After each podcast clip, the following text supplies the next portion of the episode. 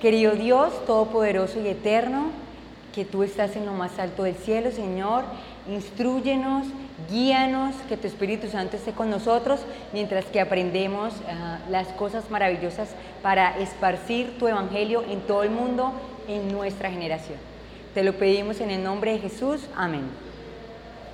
Bueno, eh, no sé si nos hacemos todos juntos aquí o al centro. Bueno, vamos a hablar hoy de vivangelismo. ¿Habían escuchado eso antes? ¿Vivangelismo? Bueno, es una forma diferente de llamar al evangelismo y es una nueva forma de comunicar que el evangelio tiene que ser vivo, tiene que tener fuerza, tiene que tener energía, tiene que tener vida. ¿Y por qué? Porque el evangelismo no nace allá en el director de ministerios personales, no es del pastor, no es de, no es de Ted Wilson, es de nosotros, es de cada uno. Por eso se llama evangelismo. Y vamos a llamarlo así, una influencia en expansión. Porque cuando hablamos de evangelismo hablamos de influir. Y en expansión, porque no se trata de que se quede en un solo lugar, se tiene que ampliar, se tiene que mover. Esto es un movimiento. El Evangelio no se quedó allá en, en las iglesias de Corintios, de Filipos, ha llegado hasta Perú. Y así tiene que seguirse expandiendo hasta los confines de la tierra. Entonces, me encanta que estén aquí y se van a dar cuenta de todo lo que vamos a aprender y espero que todas nuestras vidas cambien, la de ustedes y la mía, porque mientras que comparto con ustedes lo que aprendí, estoy seguro que Dios va a, reinstruirme y vamos a llevar el Evangelio a todo el mundo. Muy bien. cuando, cuando nos dicen, vamos a hacer evangelismo, vamos a predicar el Evangelio, muchas veces nosotros nos hacemos preguntas. Es más, ustedes pueden estar en este momento pensando, ¿qué hago en este seminario? Pude haberme ido a otro, o no sé, yo no tengo nada que ver con evangelismo, yo no soy capaz ni de dar una literatura, mm, yo soy la persona más tímida en el universo. Quizás se están preguntando eso. O tal vez están diciendo, ah, esto ya me lo sé todo, soy la experta en evangelismo. Pero igual, dispongamos nuestro espíritu porque hay muchas cosas nuevas que podemos aprender. Para todas esas personas que se están diciendo, no sé qué hago en este seminario, pero estoy dispuesto a aprender todo lo que venga, quizás hay preguntas adicionales que se han hecho ustedes en su vida, como por ejemplo, ¿por qué estoy en la iglesia? ¿Mm? ¿Cómo es que yo llegué aquí? ¿Cómo es que yo llegué aquí? Allí voy, sí, Perú. ¿Qué hago en este seminario? ¿Qué hago todos los sábados yendo a la iglesia? Si quizás no se lo están preguntando ahora, quizás algún día lo hicieron. ¿Cuál es mi papel en todo esto? Yo soy un miembro más de mi iglesia. ¿Existe realmente Dios? Muchas veces nos hemos preguntado eso, o algunas, y todas esas preguntas obstaculizan nuestra carrera hacia un vivangelismo. Y encontrar la respuesta a esto no es fácil y quizás yo no las tenga, porque déjenme decirle que en el seminario que estamos escuchando hay una guerra. La guerra contra nosotros mismos es la batalla más grande que jamás hayamos reñido. Y todas esas preguntas que obstaculizan nuestra carrera hacia llevarle a otros el Evangelio, es esa guerra. Y es la batalla más grande, y está escrito en el Camino a Cristo, página 43. La lucha para contarle a otros del amor de Dios está aquí, está hoy, la tienes tú, estás sentada frente a este televisor, en este lugar, está aquí. Porque resulta que para que nosotros podamos avanzar en el evangelismo, debemos comprender que hacemos parte de un conflicto, el conflicto de los siglos, entre el bien y el mal. Es tan importante entender que hacemos parte de esa gran batalla que debemos decidir por Cristo, y no por Satanás. O sea, cuando decimos la batalla entre el bien y el mal, no es allá Cristo y Satanás discutiendo y peleando y tú como espectador, no. Tú estás en el campo de batalla. Y debes comprender eso todos los días. Hay un campo de batalla. No es Cristo y Satanás allá en el cielo, un día una batalla. No. Hoy, 26 de diciembre, hay un campo de batalla y hoy en este seminario lo estamos peleando. Y tú debes comprender que todos los días debes luchar contra ti mismo. Pero en esa lucha necesitamos unas armas y necesitamos una solución para poder vencer. Esas armas son tres verbos, buscar, consagrar y reavivar. La única manera de poder vencer este conflicto es estar del lado de Cristo.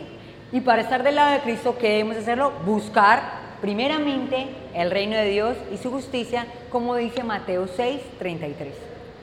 Porque el resto será añadido. Como dice el Camino a Cristo, página 70. Conságrate a Dios todas las mañanas. Haz de esto tu primer trabajo. Sea tu oración, tómame, oh Señor, como enteramente tuyo. Pongo todos mis planes a tus pies. Y la revista Review and Herald del 22 de marzo de 1887 dice, un reavivamiento de la verdadera piedad entre nosotros es la mayor y más urgente necesidad. El buscar esto debe ser nuestro primer trabajo.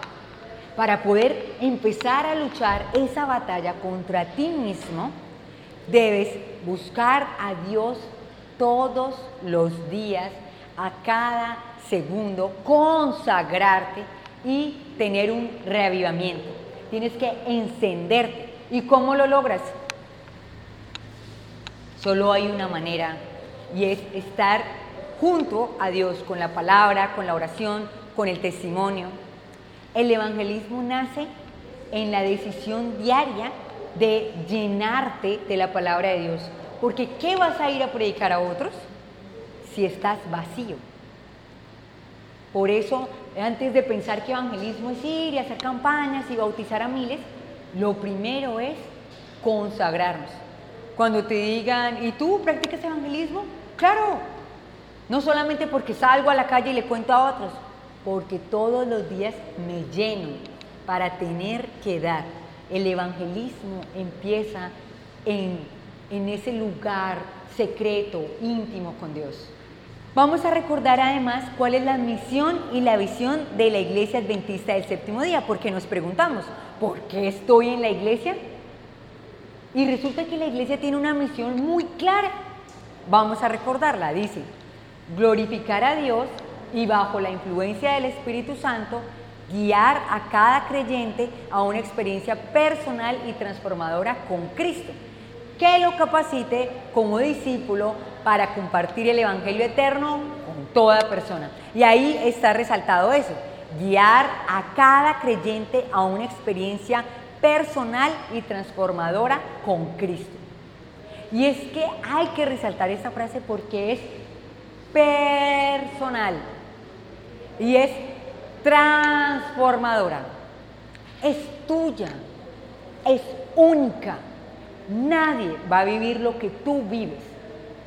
Porque si tú vivieras el Evangelio por mí, es como si yo masticara tu comida y luego te la paso. ¿cierto? Entonces yo saboreo por ti, yo como por ti, yo agrego la saliva y todos los, no sé, cosas para que pase el bolo alimenticio. No tiene sentido, ¿cierto? Cada uno de nosotros come su propio alimento y eso es el Evangelio. Cada uno de nosotros debe nutrirse debe alimentarse del pan de vida, de la palabra de Dios, para tener su propia experiencia. Por eso debemos consagrarnos, reavivarnos, buscar la palabra de Dios de forma personal. Nos encanta, nos fascina hacerlo con nuestros amigos, con nuestros hermanos, en el grupo pequeño, con nuestro esposo, con nuestro novio, no sé. Y está muy bien, pero siempre debe haber un momento íntimo con Dios. Si no lo tenemos, debemos empezar a buscar ese espacio y poder empezar a sentir esa experiencia transformadora que nos capacite como discípulos. ¿Cuál es la visión de la iglesia adventista del séptimo día? Cada miembro del cuerpo de Cristo esté preparado para el reino de los cielos. Cada miembro, uno a uno.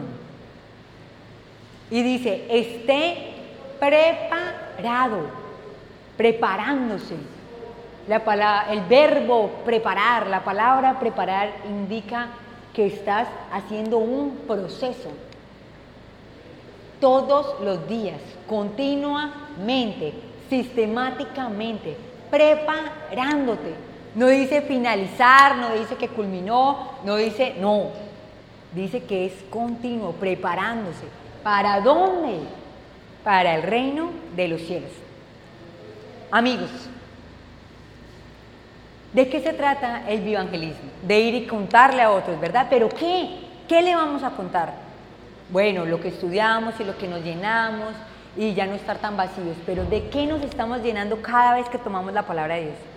De una esperanza, de un pronto regreso. No seríamos jóvenes adventistas del séptimo día si no creemos que Cristo viene pronto si no buscamos acelerar eso, si realmente no está constreñido nuestro corazón porque cree que algún día va a aparecer por las nubes de los cielos y no es un cuento, sino una firme esperanza. ¿Han imaginado alguna vez qué pasaría si Jesús llegara mañana? Por ejemplo, piensen en estos momentos, ¿qué problema tienen? ¿Qué situación difícil? cómo está su vida en este momento y llegar a Jesús mañana. ¡Wow! ¡Qué alegría! Porque todo eso se resolvería. Ya no habría más esa situación difícil. Pero nosotros olvidamos esa esperanza y decimos que lo estamos esperando, pero en realidad no tenemos la firme convicción de que va a volver. Solo a veces recordamos esa esperanza cuando tenemos miedo de morir o alguien se muere. Ahí es cuando recordamos la esperanza.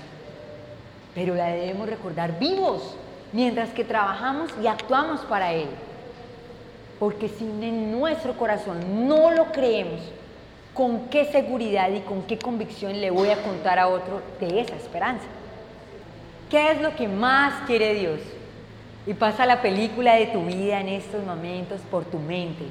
Cuando eras un bebé, luego cuando eras un niño, ¿qué quería Dios? Cuando eras adolescente, joven, adulto. Qué hermosa película, cuánto te ha acompañado Dios en cada etapa de tu vida. Y lo que más quiere Dios es ese momento en el que corras y lo abraces y lo encuentres y digas, en esto he creído. Lo que más quiere Dios es que eso mismo que tú quieres imaginarte, lo vivan los demás y lo vivan todos porque fue su plan. Y a veces nosotros no comprendemos que hay muchas personas allá afuera sedientas de esa esperanza. No la conocen no la entienden.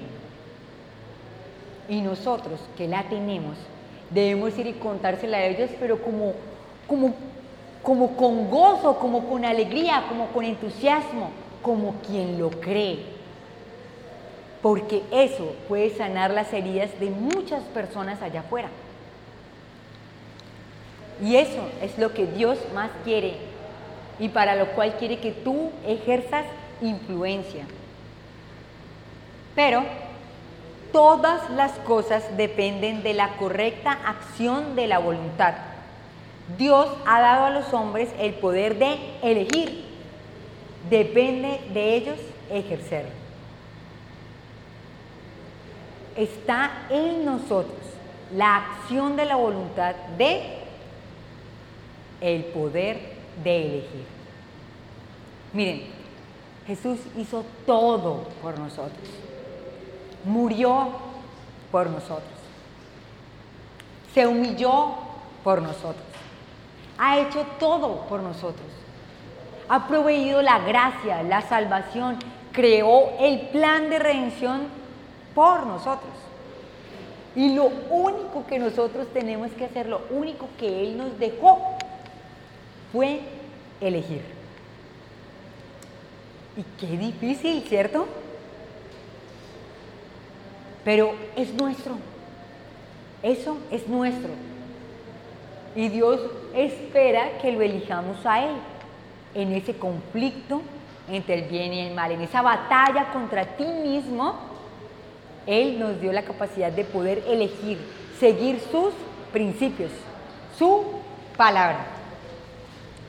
Y ese poder de elección, ese trabajo de hacer algo por Cristo y del lado de Cristo, se llama dominio propio.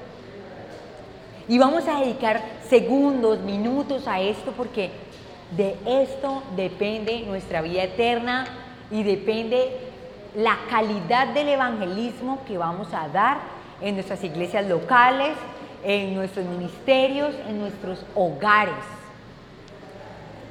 Dominio propio. ¿Será importante el dominio propio?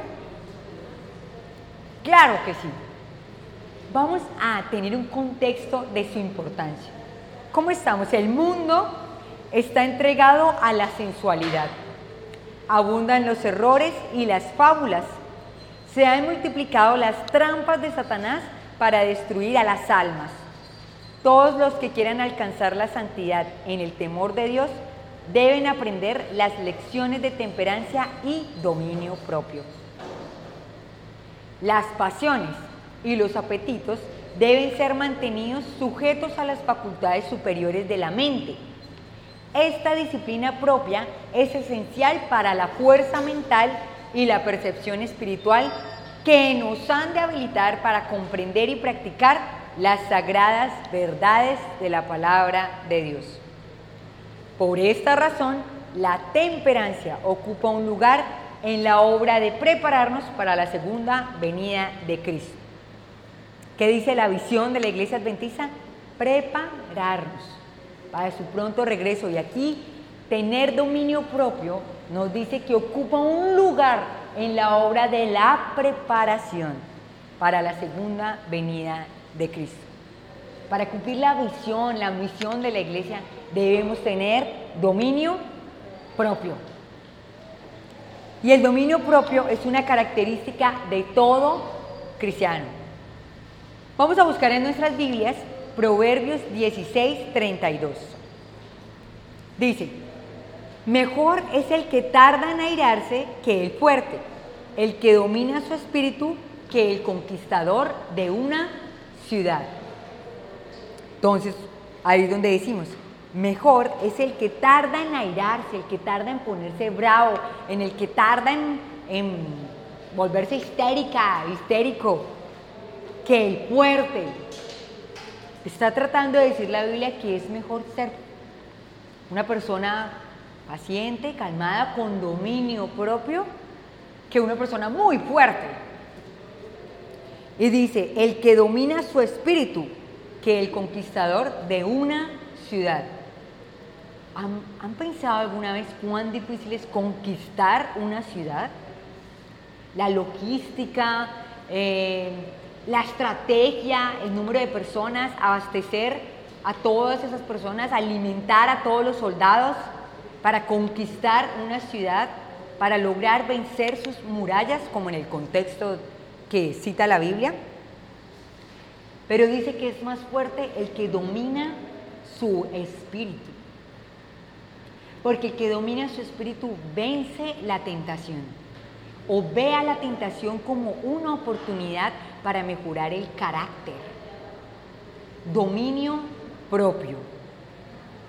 Y la Biblia nos quiere hacer pensar en que es necesario tener dominio propio para alcanzar la victoria. La pregunta es, ¿te has conquistado a ti mismo? Porque tenemos luchas y tentaciones. Quizás hasta fue una lucha estar aquí sentado y pensar que es año nuevo y debería estar de vacaciones, pero estoy capacitándome, instruyéndome en GYC Perú.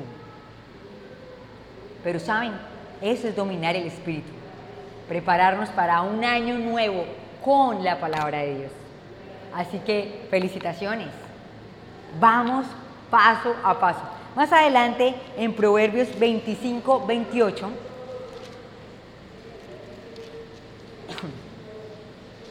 dice, como ciudad destruida y sin murallas es el hombre que no pone freno a su espíritu. ¿O han visto un caballo sin freno? Corre como el viento. ¿Cierto? Dice, como ciudad destruida y sin murallas. Imagínense, no sé, Machu Picchu, sin murallas, destruida, en ruinas. Bueno, tuve la oportunidad de conocer. Imagínense qué felicidad sería para eh, los españoles encontrar ya todo destruido. Pero no. Dice, es el hombre que no pone freno a su espíritu. Así nos veríamos nosotros o nos vemos nosotros cuando andamos sin control, sin un espíritu de dominio propio, desenfrenados, viviendo la vida, gozándola, despilfarrando las bendiciones de Dios y sus consejos y su sabiduría, creyendo que somos más sabios que Dios que soy más inteligente y que yo vivo mi vida como yo quiero. Que yo sé más. Pero aquí la Biblia nos dice, como ciudad destruida y sin murallas, es el hombre que no pone freno a su espíritu. Y entonces, ¿qué podemos hacer? Nosotros debemos, en vez de destruir, poner control, tener dominio propio y construir poco a poco nuestro carácter, porque nuestro carácter es nuestra gran y más importante muralla frente al enemigo, frente a ese conflicto entre el bien y el mal. Es muy importante porque hace parte de nuestra preparación para el reino de los cielos, dominio propio. Y tenemos esperanza, ¿Por qué? Busquemos en 2 de Timoteo 1.7. Tenemos esperanza porque Dios nos ha dotado. Dice, porque no nos ha dado Dios espíritu de cobardía, sino de poder, de amor y de dominio propio. Dios nos lo ha dado, nos ha regalado este don y espera que nosotros lo utilicemos, lo activemos, lo aprovechemos y que ganemos nuestro propio dominio propio. Aquí es importante pensar en esas victorias tempranas. A veces nosotros estamos cansados de cometer el mismo error y prometerle a nuestra mamá, a nuestro papá, a nuestro profesor una y otra vez que no vamos a volver a cometer el mismo error. ¿Por qué nos rendimos tan fácilmente cuando volvemos a caer? Porque no tenemos dominio propio. El dominio propio nos ayuda a estar convencidos del error y a querer tomar la determinación de un arrepentimiento genuino. Sin dominio propio es mucho más difícil arrepentirnos de verdad. ¿Mm? Las victorias tempranas lo que hacen es que tienes una meta final, pero celebras los pasos pequeños, las victorias pequeñas y tempranas. Por ejemplo, un mal hábito. ah, no sé, nos levantamos muy tarde, pero al otro día, si te levantas todos los días a las 9 de la mañana y al otro día quieres levantarte a las 4, está muy difícil. ¿Por qué no empiezas levantándote a las 8 y media? Y luego a las 8 y cuarto. Y luego a las 8. Y a las 7 y 45. Y así hasta que de repente un día, pasados, no sé, 6 meses, logras levantarte a las 4 de la mañana. Y luego mantienes el hábito de las 4 de la mañana. Porque te vas a poner contenta porque te levantaste media hora antes. Y aunque es pequeña, es una victoria temprana. Y no te vas a frustrar tanto porque al otro día va a ser muy difícil levantarte a las 4 de la mañana. Ahora sí, con otros hábitos. Por ejemplo, ah, soy muy grosera con mi mamá. Tengo que empezar a ser menos grosera poco a poco. Pero Dios es capaz, si tú tuvieras más dominio propio, si tuvieras el poder de creer en Dios, Dios es capaz de un día para otro de lograrlo. Dios es capaz de un día para otro que tú hoy te levantas a las 9 de la mañana y mañana a las 4 de la mañana. Pero si te es muy difícil, pues cuéntale a Dios tu plan para hacerlo un poco a tu ritmo, pero logrando la meta final. Dios es capaz de hacer todo nuevo, como lo que estamos aprendiendo. Vamos a buscar Segunda de Pedro 1, 5 al 8. Segunda de Pedro, capítulo 1, versículo 5 al 8. Por esto mismo, poned toda diligencia en añadir a vuestra fe virtud, a la virtud conocimiento, al conocimiento dominio propio, al dominio propio paciencia a la paciencia piedad, a la piedad afecto fraternal y al afecto fraternal amor. Si tenéis estas cosas y abundan en vosotros, no os dejarán estar ociosos ni sin fruto en cuanto al conocimiento de nuestro Señor Jesucristo. Esfuérzate, añade a esa fe, a esa virtud, a ese conocimiento, dominio propio. Es una virtud, es importante. Pero hay una advertencia y está ahí en primera de Pedro, capítulo 5, versículos 8 y 9. Cuando estamos esforzándonos, cuando estamos buscando de Dios, cuando queremos consagrarnos, reavivarnos, estar, más cerca de Él, ¿qué va a pasar? Sed sobrios y velad, porque vuestro adversario, el diablo, como león rugiente, anda alrededor buscando a quien devorar. Resistidlo firmes en la fe, sabiendo que los mismos padecimientos se van cumpliendo en vuestros hermanos en todo el mundo. Amigos, Satanás desea que tú pierdas la batalla contra ti mismo. Satanás desea que te duermas en los laureles, que no tengas dominio propio, que ande siempre alguien mandándote, y ojalá sea Él. Miren lo que puede hacer Satanás cuando Él tiene el poder y el control de nuestra vida. Satanás con frecuencia encuentra un instrumento poderoso para el mal en el poder que una mente es capaz de ejercer sobre otra mente. Esta influencia es tan seductora que la persona que está siendo moldeada por ella a menudo no tiene conciencia de su poder. Mente, carácter y personalidad, página 37, tomo 1.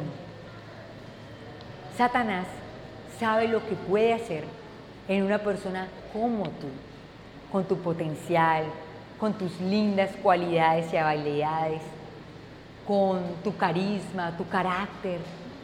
Sabe todo lo que puede hacer si tú estás de su lado.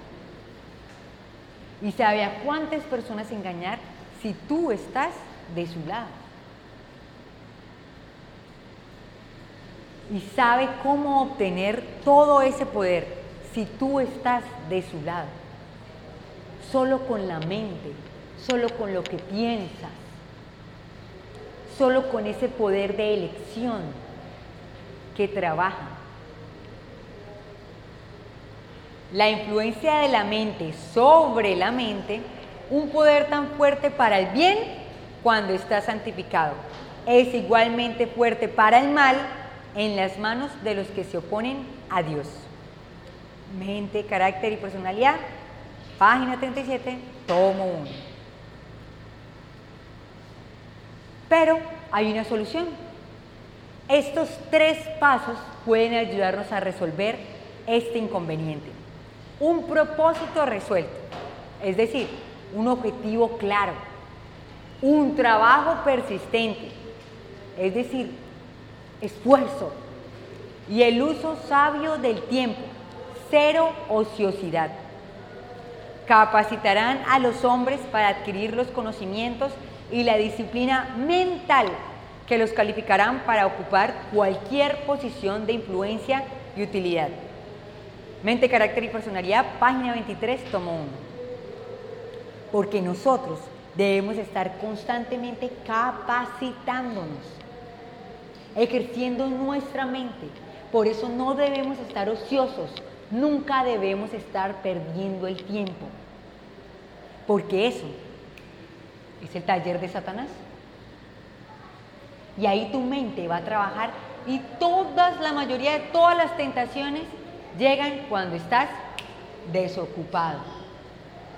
Un propósito resuelto, un propósito en la vida, un objetivo claro. Eso es lo primero para ir y esparcir el Evangelio. Un trabajo persistente, persistente es continuo, constante, planeado, esforzado.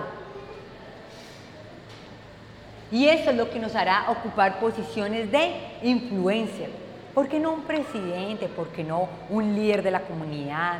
El mejor estudiante de la universidad, del colegio, el mejor empleado. Porque nosotros debemos trabajar siempre para ser excelentes, donde quiera que estemos. Así no nos vea nuestro jefe, nuestro líder, nuestro maestro, nuestra mamá, sino porque nos ve Dios. El evangelismo empieza en ti, en tu dominio propio, en tu vida diaria, cuando nadie te ve. ¿Qué es un carácter con dominio propio? Las personas que tienen dominio propio son, tienen una característica de individualidad, son originales, únicas. Nadie está diciéndoles cómo tienen que hacer, qué tienen que eh, mover o decir. Simplemente resaltan por su esencia. Son de un pensamiento eh, independiente, porque razonan, porque tienen lógica, porque su lógica y su razonamiento proviene de la palabra de Dios, porque se comparan si están de acuerdo a los principios de la Biblia y así moldean su comportamiento. Y no tiene pierde, no tiene falla, porque está de acuerdo a la palabra de Dios. Así que son ejemplares. E inevitablemente una persona con dominio propio siempre va a la acción, no se queda quieto, tiene iniciativa, anda, actúa, ejecuta, no es solo bla, bla, bla, sino hace. Y toma decisiones que cambian su vida. Es contrario a las personas que no tienen dominio propio. Son, tienen una evidencia ciega, van por el mundo, todo lo que digan los demás. Son obedientes a los mandatos de los hombres, lo que digan, lo que digan, lo que digan. Tienen ataduras a tradiciones, a costumbres, organizaciones y líderes. Por eso no hay a veces eh, fuerza y poder en el Evangelio, porque no tenemos dominio propio. Es lo que diga el pastor, lo que diga el director de ministerios personales. Si no dicen nada en la iglesia, si no dice nada mi mamá, pues no hago nada. Y eso no es lo que quiere Dios. No es lo que quiere Dios. Solo los que están preparados para tomar la iniciativa, para gobernarse a sí mismos, se atreverán a separarse de los errores y costumbres del mundo cuando escuchen el llamado de Dios. Porque una persona que se gobierna a sí misma, que tiene dominio propio, cuando escucha la voz de Dios, cuando está estudiando en su momento íntimo con Cristo la palabra de Dios y ve que debe tomar una decisión, la escucha y si se da cuenta que estaba cometiendo un error, se separa del error. Y no es como, bueno, no es tan malo. No, toma la decisión y corta, porque el principio es la palabra de Dios, el amor de Dios, eso, el, el Espíritu Santo domina su vida. Ese es el dominio propio.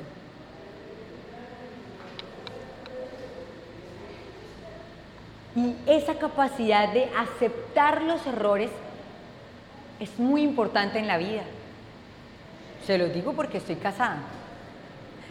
Y aceptar los errores es muy importante en una relación de lo que sea, de amistad, de trabajo, de noviazgo o de matrimonio.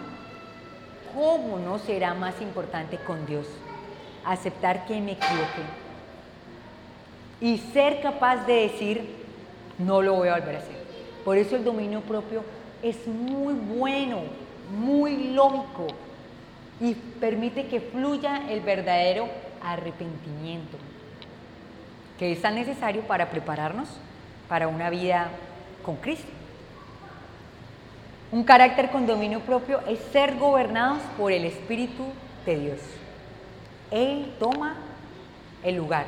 Ya no vivo yo, Cristo vive en mí. Dice el libro de la educación, página 287. El objeto de la disciplina es educar al niño para que se gobierne solo no es para que ande con un policía, un vigilante todo el tiempo, haga, no haga, diga, no diga, así no, no. Debemos educarnos y educar para que tome su propia decisión sin que nadie lo obligue, que tome el poder de elección él mismo, tú mismo, yo misma. Ese es el verdadero espíritu y carácter de dominio propio que Dios quiere en el mundo. Pero ¿cómo es el mundo? Ah, no, si me ven, hago. Si no me ven, desenfreno.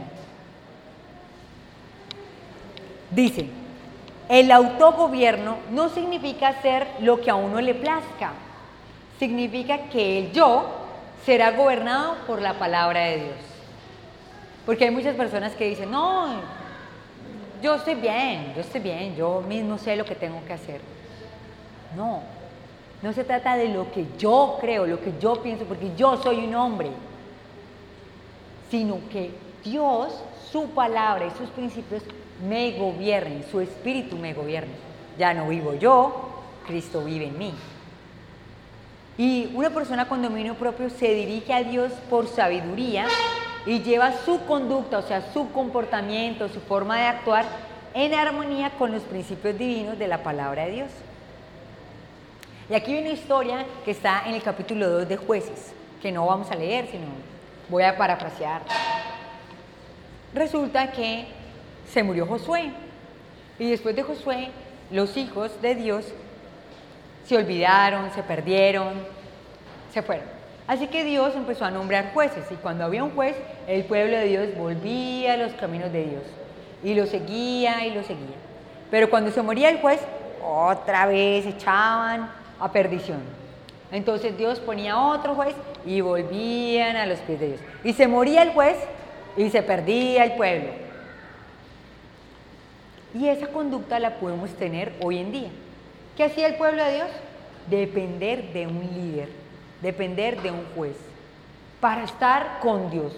Vamos a estar toda la vida dependiendo de alguien más para que tomen las decisiones de nuestra vida espiritual, del éxito, del plan de Dios que espera que es estar con Él para siempre? Es porque no tenían dominio propio. Tenían que tener a alguien que los jale.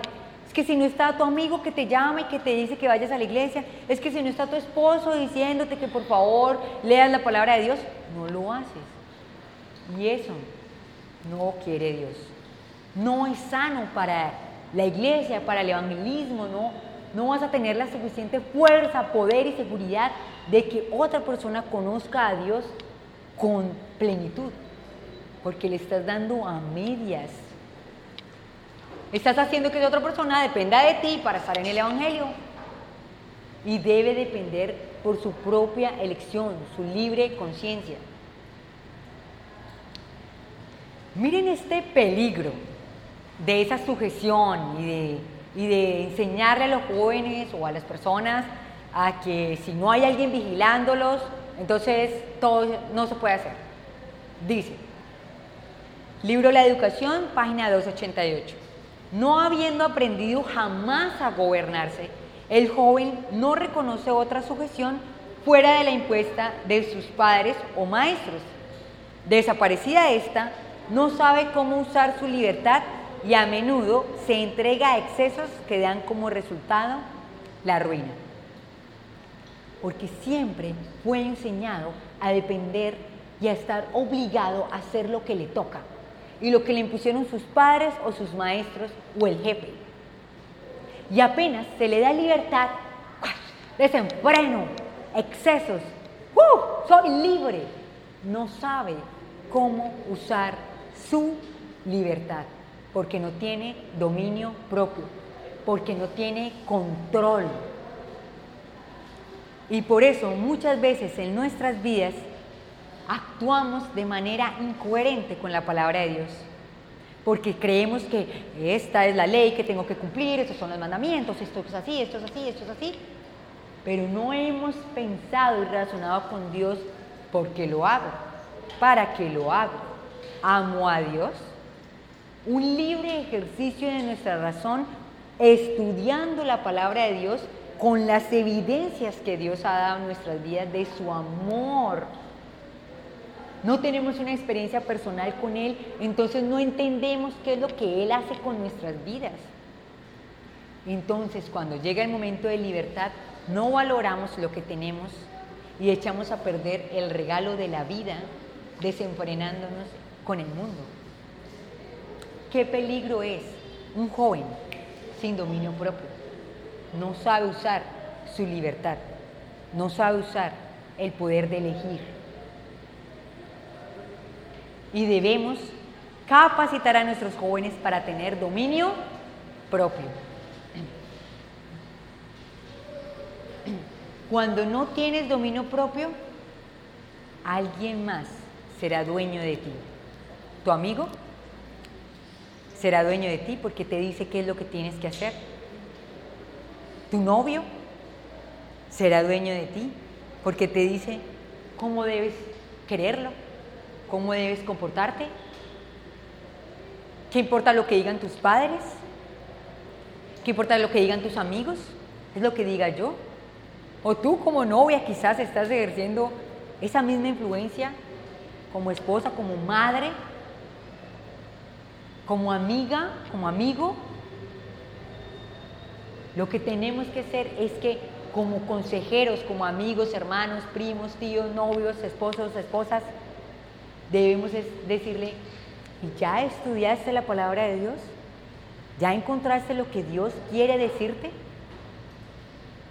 Es esa experiencia personal la que debemos hacer que los demás vivan. Si tú eres un líder de jóvenes o un líder de ministerio, ¿qué estás haciendo para que las personas tomen su propia lección basándose en su experiencia personal y en su estudio íntimo con la palabra de Dios? Cuando empezamos a estar en la iglesia y a decirle, tú tienes que hacer eso, tú tienes que hacer eso, estamos bloqueando el dominio propio de las demás personas. Ahora, no debemos abusar de nuestro dominio propio. Y es que quien en realidad lo tiene, no va a abusar, porque sabe que proviene de la palabra de Dios. Y el dominio propio está lleno de amor. Porque nunca es obligación amar a Dios. Y pues, leyendo la palabra de Dios, es imposible que obligues a las personas. Eso fluye. El Espíritu Santo está en ti y te hace hacer las cosas con amor y sin desesperarnos. Ay, es que tal muchachita no obedece. No, porque dice, añadirle a la fe virtud, a la virtud conocimiento, al conocimiento dominio propio y al final, ¿qué dice? Amor. Solo Jesús es el dueño de mi vida. Él me creó. Él me salvó. Él me dio esperanza. Él quiere que le cuente a todos allá afuera lo que Él hace cada día en mi vida. Pero yo debo trabajar en mi carácter y en mi dominio propio para elegirlo todos los días a Él. Ahora, ¿qué alcance tiene esto en nuestro corazón? El alcance de nuestra influencia. Yo estoy aquí delante de los líderes de nuestra iglesia, delante de las futuras cabezas de familia, futuras madres, futuros padres, futuros uh, influenciadores de nuestra sociedad. Y la siguiente cita la he tomado del libro El hogar cristiano. Dice, el hogar es el centro de toda actividad. La sociedad se compone de familias y será lo que hagan las cabezas de familia. Del corazón mana la vida y el hogar es el corazón de la sociedad, de la iglesia y de Perú y de la nación.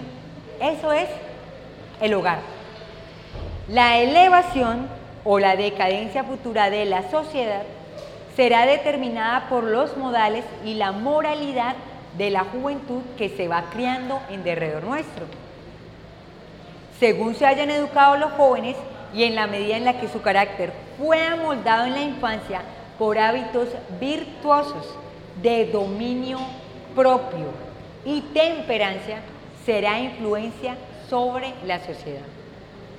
Si se les deja sin instrucción ni control y como resultado llegan a ser tercos, intemperantes en sus apetitos y pasiones, Así será su influencia futura en lo que se refiere a amoldar la sociedad.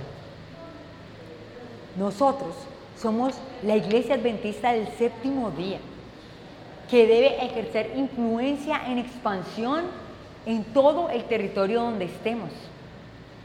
Nosotros somos los llamados y los escogidos a hablarles de un Dios de amor. Pero muchos verán siquiera no nuestras no escucharán nuestras palabras, sino verán nuestro testimonio, nuestro modelo, nuestro ejemplo. Y cuando ellos vean que nosotros somos personas de temple, de dominio propio, con juicio, que emitimos eh, razones o argumentos para demostrar por qué amamos a Dios, cuando vean en nuestra vida los milagros de Dios y cuán, cuán, cuán, cuán justos somos y cuánto hemos razonado con Dios al punto de ser justos con las demás personas y misericordiosos con las demás personas, ellos van a tener un deseo de estar al lado de nosotros. Vamos a ser como la miel. Todos querrán estar con nosotros porque tenemos la capacidad de ser libres. Y esa libertad de pensamiento, de conciencia, es nos la da Dios a través del dominio propio. Porque nos parece muy normal quizás, pero allá afuera hay muchas personas dominadas por sus propios pensamientos, por las tradiciones, por las costumbres, porque simplemente obedecen, pero no se dan cuenta que hay un Dios que les da libertad del pecado. Porque la mayor dominación que hay allá afuera son las personas dominadas por el pecado. El dominio propio nos va a ayudar a tener influencia y nosotros necesitamos ser influenciadores. Que las personas digan, ah, Esto lo dijo Manuela, esto lo dijo Adriana, esto lo dijo Juan. Oh, pero eso que dice ella o él es tan especial, claro, porque tiene el poder de la palabra de Dios, de los principios de Dios. Y con influencia podemos hacer verdadero evangelismo, vivangelismo en nuestra vida propio, sin siquiera hablar. La gente lo va a notar. Porque como Moisés, cuando habló con Dios y bajó del monte y regresó al pueblo y le brillaba el rostro. Porque así nos pueden ver o queremos o Dios quiere que nos vean como luz en el mundo. Pero debemos tener dominio propio.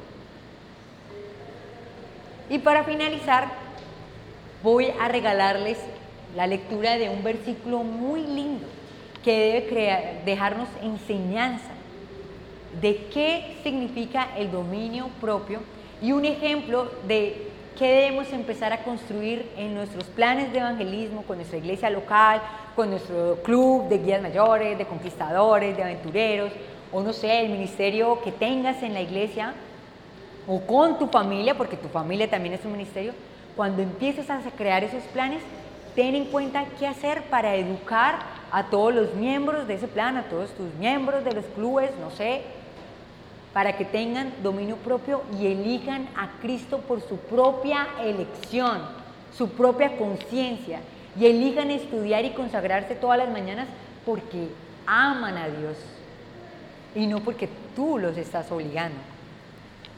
Dice así el versículo. Ve a la hormiga, oh perezoso, mira sus caminos y sé sabio, la cual, no teniendo capitán, ni gobernador, ni señor, prepara en el verano su comida y recoge en el tiempo de la siega su mantenimiento. Proverbios 6, 6 al 8. Amigos, un evangelismo efectivo nace cada día cuando en tu corazón sientes el amor profundo magno, eterno de Dios. Yo los invito para que em, nos pongamos de pie y finalicemos con una oración.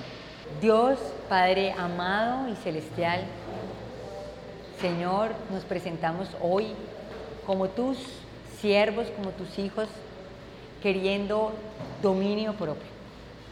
Ayúdanos para que tu Espíritu Santo ejerza poder en nuestros corazones y en nuestras mentes y podamos tomar la decisión de gobernarnos a nosotros mismos y así poder influenciar a las personas que aún no conocen de ti.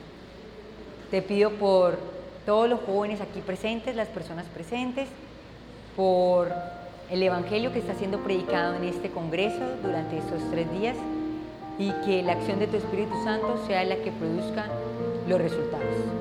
En el nombre de Jesús. Amén.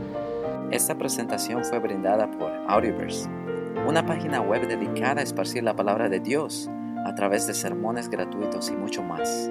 Si quisiera saber más de Audioverse o si le gustaría escuchar más sermones, por favor visite www.audioverse.org.